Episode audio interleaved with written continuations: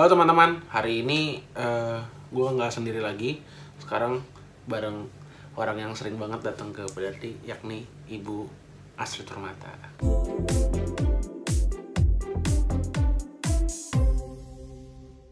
Uh, kali ini kita akan bicara tentang uh, sebuah apa ya inisiatif begitu uh, yang uh, dilakukan Astrid dan kawan-kawan di surat di surat. Oh iya namanya Surat Project. Uh, inisiatif ini sendiri sebenarnya apa sih si surat ini dan dari mana datangnya?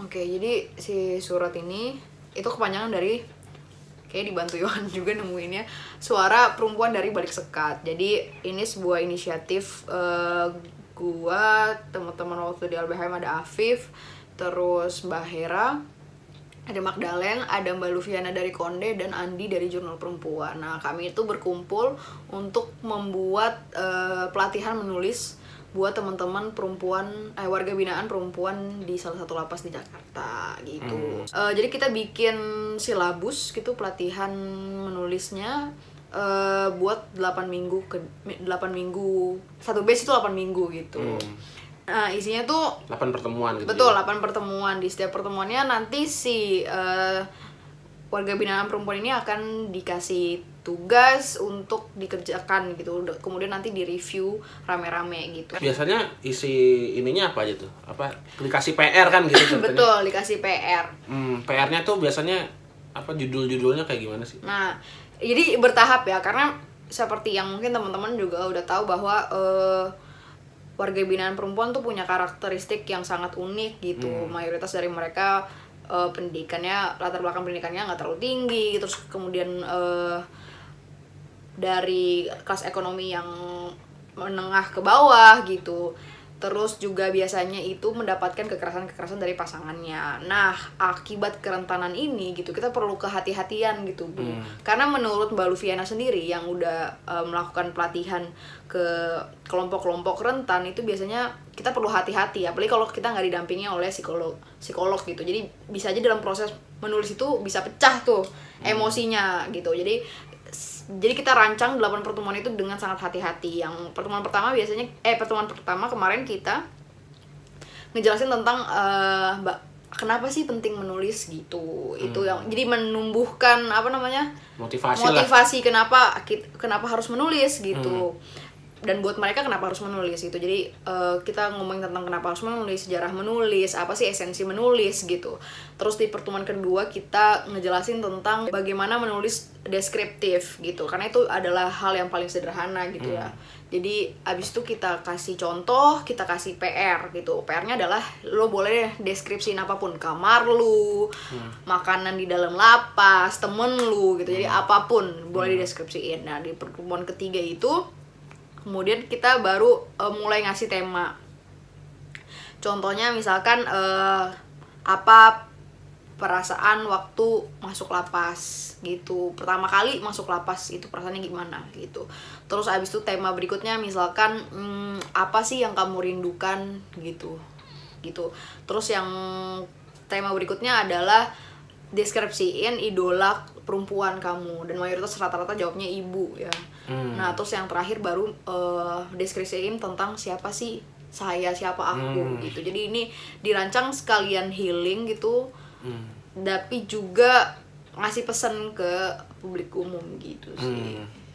Hmm. idenya sendiri datang dari mana sebelumnya oh ya jadi waktu gua terlibat dalam penelitian di kantor sebelumnya hmm. di LBHM nah penelitian tentang uh, perempuan tindak pidana narkotika yang mana pernah gue omongin juga kayaknya di channel betul lo. betul nah selama gue melakukan penelitian kemudian gue sadar gitu karena kita jadi penelitian itu kuantitatif dan kualitatif uh, jadi gue nyebar question kami nyebar kuesioner dan melakukan wawancara nah selama wawancara ini seminggu berturut-turut uh, gue dan Arinta waktu itu wawancarain 10 orang narapidana perempuan yang mana terus kemudian wow storynya dalam gitu. kuat banget terus abis itu dan kita menemukan pattern yang kok serupa ya gitu hmm. tapi nggak nggak pernah di uh, atau publik nggak tahu nih tentang ini gitu hmm. terus kemudian uh, gue diberi kesempatan untuk pergi ke forum lah. Forum tahunan forum tahunan betul. PBB kemudian eh, di situ temanya memang perempuan narapidana gitu narapidana perempuan. Dan gue ketemu eh, mantan narapidana perempuan yang mengadvokasikan dirinya gitu. Bahkan ada yang mengadvokasi dirinya ada yang sampai bikin organisasi Hmm. dampingan hukum buat teman-teman eh, anak perempuan muda ataupun perempuan gitu yang jadi korban yang hukum. berjuang gitu ya Betul, terus dan selama mereka kita, gue menemukan juga pola yang sama gue temuin waktu Hmm. eh, apa namanya melakukan penelitian gitu. Nah, Hmm. yang berbeda adalah kalau mereka tuh merasa berdaya, si orang ini yang, lu temuin ada gue temuin di CND, forum ya. internasional ini gitu, mereka siapa tuh sih orang gue lupa lu lupa namanya Lupa, lupa, tapi lupa. dia orang orang Meksiko. Amerika Latin. Iya, Oh, jadi ada dua, ada Oh, ada yang dua. ada yang bentuk si pola itu, oke ada yang satu lagi orang orang orang Perancis yang ketangkep di Meksiko. oke gitu dan dia dengan dengan dengan beraninya mengungkapkan di hadapan government government kala itu ya gitu Ya, kayak karena forumnya buat yang nggak tahu forumnya CND CND ini forum tahunan yang eh, mempertemukan negara-negara pihak yang ada di tiga konvensi internasional narkotika. Jadi emang forum ini ada buat negara-negara review. Udah bener nggak sih langkah-langkah kita gitu?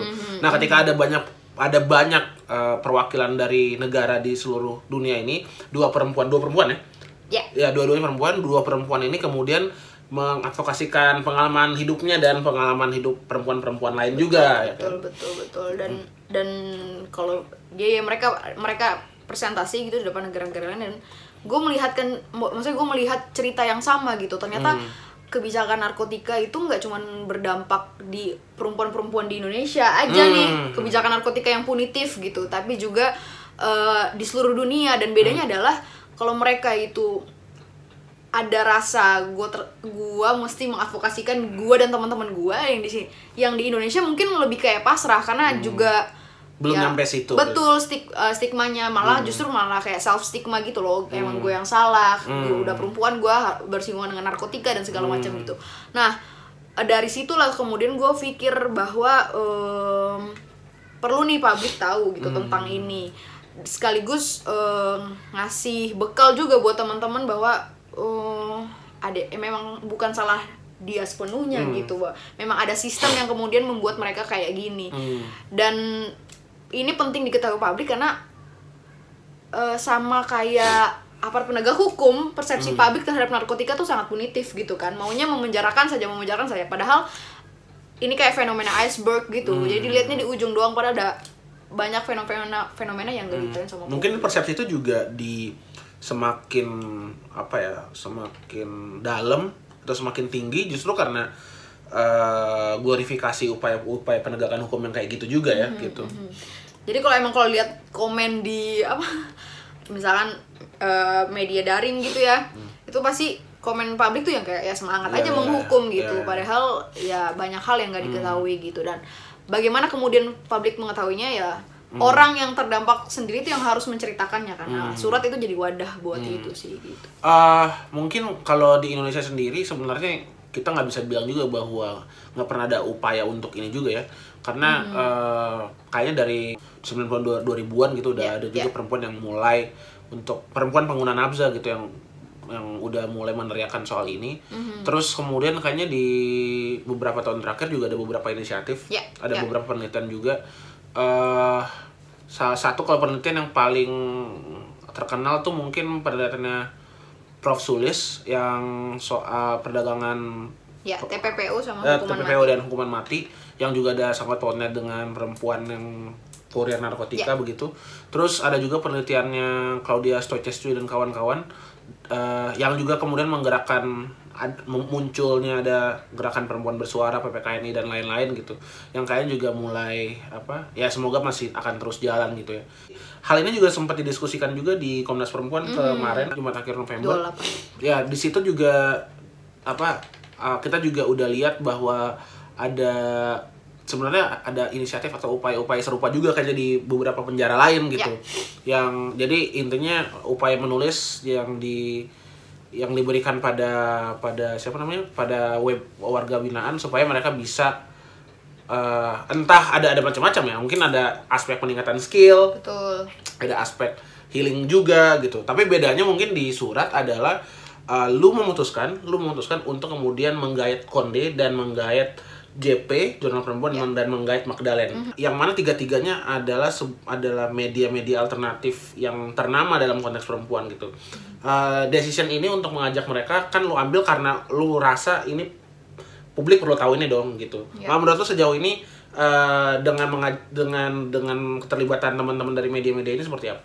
ya jadi eh, selama gua di LBHM juga misalnya mengenal isu narkotika kemudian gue sadar bahwa baik eh, gerakan perempuan maupun gerakan narkotika ini seakan-akan berjalan emang tujuannya sama gitu tapi kayak nggak ke- belum kenalan gitu Sebenarnya mereka berdua berusaha mengadres sebuah aspek uh, isu sosial yang berasal dari hal yang kurang lebih Betul, sama, betul. tapi mereka kayak berjalannya beda aja gitu. Hmm, kayak beriringan tapi nggak Nggak- gitu nggak lah. sinkron. ya jadi kemudian gue mikir bahwa eh, isu narkotika harus dipenetrasi ke gerakan perempuan gitu. Juga gerakan perempuan harus eh, kenalan sama isu narkotika gitu. Hmm. kemudian nah beruntungnya adalah ya ada Andi, ada Mbak Hera, ada Mbak Luffy yang kemudian welcome banget dan menerima ide ini gitu. Dan mau bantu secara pro bono gitu. Bener-bener tiap minggu mereka datang gantian gitu. Terus eh, tanpa ada fee apa pun gitu bahkan uang transport nggak ada. Jadi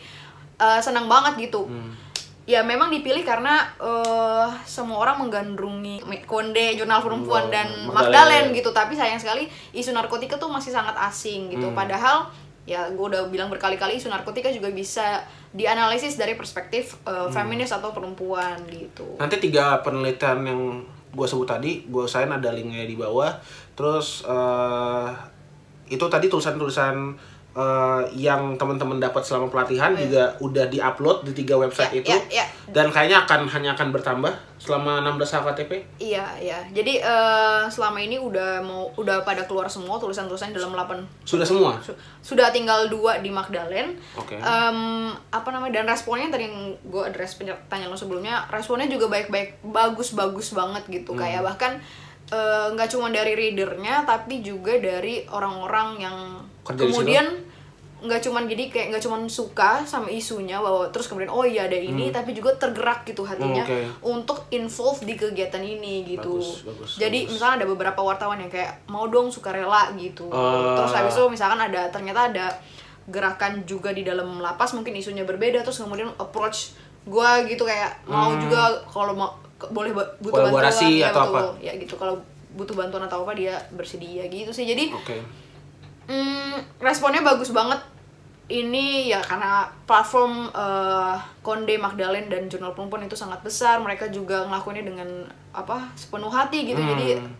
kerasa banget sih responnya. Nextnya apa nih? Nextnya dari dari surat project ini, ya itu hashtagnya gitu ya, surat project Iya, gitu kan. surat project. Kira-kira nextnya mau gimana teman-teman? Eh, yang jelas kami sih kebayang ya, mengeluarkan beberapa produk gitu ya. Jadi Hmm. nggak cuma berhenti di eh, media daring, eh ya, tapi juga dalam bentuk fisik seperti buku atau komik gitu. Hmm. Yang mana ini kita lagi nyari dananya sih. Kalau teman-teman punya dana. Jadi teman jadi teman-teman lagi lagi nyari dana gitu ya untuk untuk fulfilling ini dan akan ada batch kedua atau seperti apa? Betul. Jadi karena kita masih so far itu berlima, berenam.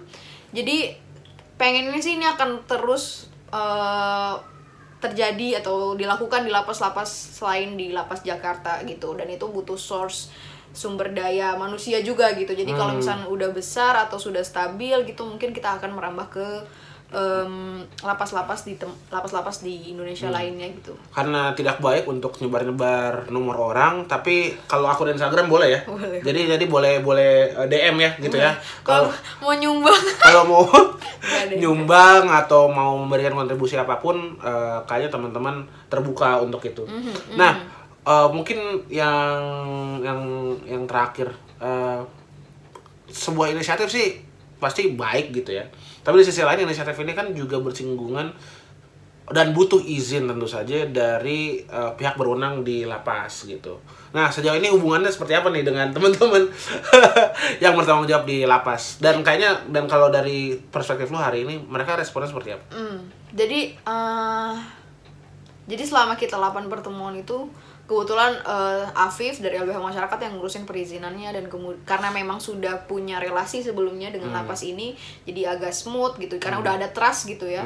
Terus em, selama ini ya kita hampir setiap pertemuan selalu didampingi sama eh, petugas lapas gitu. Dan ya mereka selalu memfasilitasi gitu walaupun petugasnya berganti mereka selalu tanya kayak butuhnya apa? Gitu. Apakah butuh butuh kabel atau apa? Hmm, gitu ya, hal ya, ya, sederhana ya, itu. ya, mereka ya. selalu welcome Em, pihak lapas juga seneng banget ngelihat eh, ini karena ternyata si pesertanya juga seneng gitu Hmm. jadinya ya baik-baik aja sih selama ini selama lu melakukan short project ini ada berapa peserta yang batch pertama? awalnya 10 Nah, akhirnya yang survive sampai akhir 7 8 tujuh. 7. Dari story yang lu dapat dari 10 orang ini Mhm. itu apa yang paling berkesan dulu? Hmm, Kalau harus milih satu yang paling story di antara semuanya? Iya. story di antara semuanya itu eh, ada satu penulis yang apa namanya sangat talented gitu Iya, ya. iya. Sa- salah satu peserta yang sangat talented. Bahkan dia eh, pernah juga ikut kayak lomba menulis novel gitu. Emang jago lah dia. jago. jago banget asli jago banget. Nah dia tuh menuliskan tentang eh, hal-hal yang sangat sederhana tapi dia kadang-kadang suka take it for granted gitu Kita yang take it for granted. Betul. Kita yang ada di luar sini tuh take it for granted. Misalkan kayak waktu itu misalkan dia nulis tema apa yang kamu rindukan. Yang dia rindukan adalah hal-hal yang sangat kecil kayak makan mie ayam di pinggir jalan dengan laler-lalernya gitu. Ada suara-suara klakson. iya gitu. betul. Ya, ya, Terus ya. abis itu eh, atau lagu Hmm. karena nggak bebas untuk kayak kita kan gampang banget kan ngambil handphone ah Em, Spotify, radio, Spotify, nah, ya, ya, ya, ya, YouTube temen-temen- segala macam ya. betul teman-teman di sana tuh nggak bisa atau em, kita bisa ya ke- ya, rata-rata tentang kebebasan sih kebebasan Hmm. gitu dan em, mungkin rasa bersalah itu yang Hmm. itu yang paling berkesan buat gua gitu jadi masih self stigma ya itu sama kita kadang-kadang kurang bersyukur sih Oke. Oke. Terima kasih Ibu Acit untuk yang sekian menit pertama ini. Eh, akan ada gua lagi akan ada Acit lagi di video berikutnya. Eh, sekali lagi kalau misalnya ada yang kepikiran buat support atau pengen join sama Surat Project, nanti ada akun Instagramnya Acit di bawah. Silakan di eh, DM apa pun tujuan kalian DM atau bisa ke Magdalen atau jurnal perempuan atau konde.co juga apa sih Ya, boleh, boleh. Oke, gitu aja. Terima kasih sudah menonton. Dadah.